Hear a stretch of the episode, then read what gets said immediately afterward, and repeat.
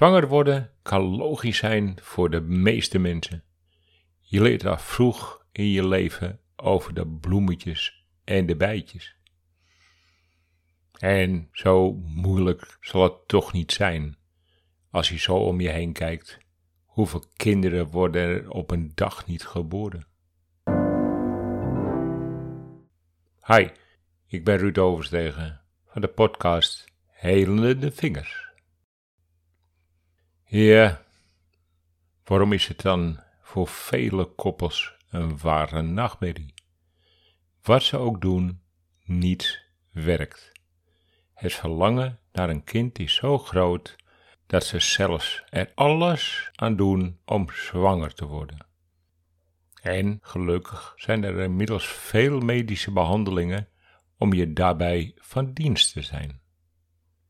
Maar werken al die mogelijkheden wel echt succesvol voor iedereen? Eigenlijk is het een prachtig gegeven. Uit een samenkomen van een eitje en een zaadje en er daarbij wat celdelingen is er na zo'n negen maanden een nieuw wonder op aarde. Negen maanden in de rust en ver weg van de buitenwereld kan dat unieke proces plaatsvinden. Maar waarom lukt het dan bij vele echtparen niet om die kleine op de wereld te zetten? Ondanks die hartverwarmde wens en het elke keer weer proberen. Lukt het op geen enkele manier om zwanger te worden? Kijk dan eens naar mijn logica. In de natuur gaat het net als bij mensen. Het is eigenlijk een universele aanpak. Een eitje, een zaadje bij ingebracht zorgt voor een vruchtbare start. Maar de mens heeft naast die voortplanting nog meer aan het hoofd. En daar zit het verschil met al het andere hier op aarde. De mens denkt, de mens heeft zo zijn wensen. En niet elke wens zal zomaar spontaan resultaat geven, toch? Hoeveel wensen zijn er eigenlijk bij jou succesvol geworden? Daar gaat het in deze podcast over. Waarom heb jij weer geen succes? Kijk dan eens goed naar je stressniveau.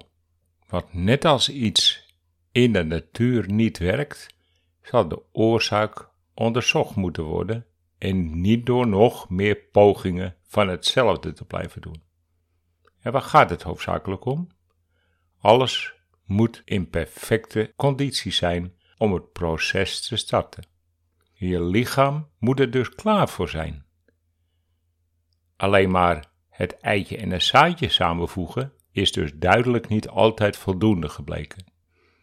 Belangrijker is te bekijken hoe perfect voorbereid je lichaam en specifiek die baarmoeder eruit ziet om die celdeling goed te kunnen begeleiden. Hoe ziet jouw baarmoeder er dus emotioneel uit? Heeft je lichaam last van voortdurende stress? Vergeet niet dat al die pogingen en afwachten ook pure stress voor het lichaam heeft opgeleverd. De celdeling heeft gezonde grond nodig om te groeien. Te veel emoties levert geen optimaal resultaat op. Zeker als je nog met vele andere dagelijkse stressfactoren te maken hebt. Er is zoveel stress in het lichaam, dan zal het lichaam zelf die zwangerschap voor je uitstellen. Wat je ook probeert, het lichaam zal dan echt niet je wens vervullen. Onderzoek die stress. Ook al denk je dat je totaal geen last van stress hebt. Die stress kan ook zelfs uit een oude herinnering uit het verleden zijn. Ook door een situatie waarin je eerder in je leven niet echt veilig was. Die onbewuste emotie roept weer die oude gevoelens op. Laat alle overtuigingen en alle vooroordelen los en zie voor je hoe een perfecte baarmoeder eruit zou moeten zien om die kleine te kunnen ontvangen.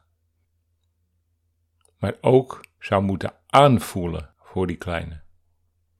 Want de eerste zintuig die het in de baarmoeder gaat ontwikkelen, is namelijk de tastzin. En die tastzin van die kleine moet niet beïnvloed worden door jouw stressgevoelens. Uit vele onderzoeken blijkt dat stress de grootste boosdoener is van de meeste lichamelijke klachten. Terwijl er niet, daar niet eens naar gekeken gaat worden. Inmiddels heb ik op deze wijze veel echtparen in mijn praktijk geholpen met die simpele adviezen en zonder medische ingreep. Vertrouw erop dat het lichaam in goede conditie moet zijn en om de zwangerschap mogelijk te maken. Zorg dus extra goed voor je lichaam als het niet lukt om zwanger te worden. Mijn eerste advies dan ook: een maand of wat te stoppen met willen. In oude geschriften maakte ik dat de oudere volken een mooie techniek ervoor hadden. Op het moment dat de vrouw eraan toe was het gezin te vergroten, ging ze de berg op en luisterde ze naar de stem van het hart. Niet naar de stem van haar hart, maar naar het hartje van die aanstaande kleine die besloot om bij haar in de buik plaats te gaan nemen. En zo zie ik het eigenlijk ook. Het gaat niet over al je wensen hier op aarde, maar om de hartsverbinding met het aankomende zaken. We zijn verbonden met alles wat is en we zijn zelfs verbonden met dat wat er nog moet ontstaan.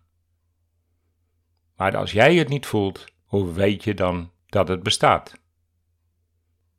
En wat is het neveneffect als je tijdens de zwangerschap veel emoties doormaakt en die dan weer doorgeeft aan het ongeboren kind?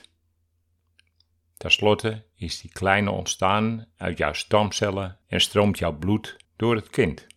Na de twaalfde week kan die kleine de omgeving aftasten en zal door al die stressgevoelens ter wereld komen. Kans dat je kind dan hoger gevoelig is, ADHD heeft, vatbaar voor de omgeving is, is dat vele malen groter. Wij als mens kunnen veel ballen hoog houden, maar met de natuur valt niet te spotten. Hoe knap de medische wereld ook kan zijn, als jouw baarmoeder er niet klaar voor is, kan je willen dat je een ons weegt, maar zal het je niet lukken. Had zelfs een echtpaar waarvan de vrouw maar één eierstok had en de man amper zaad. Na mijn verhaal vertelde ik toen: er is maar één eitje en één zaadje nodig voor de stad van die kleine. En de beste plek die je zou wensen voor een perfecte connectie. En niet jouw brein moet zich ermee bemoeien, maar je hart. Laat die kleine via jouw hart voelen dat het welkom is. En dat het niet gaat over het willen, maar het verlangen zonder S.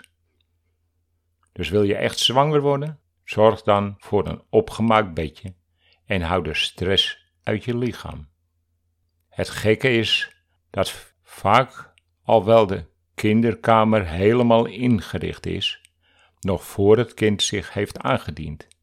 En die plek waar het kind de eerste negen maanden zou moeten starten, over het hoofd wordt gezien. Ik dank je wel voor het luisteren van deze podcast Helende Vingers. Volgende keer weer een nieuw voorbeeld hoe wij als vingerreflexoloog de wereld zien. En via de vingers een en ander kunnen rechtzetten. Tot de volgende keer.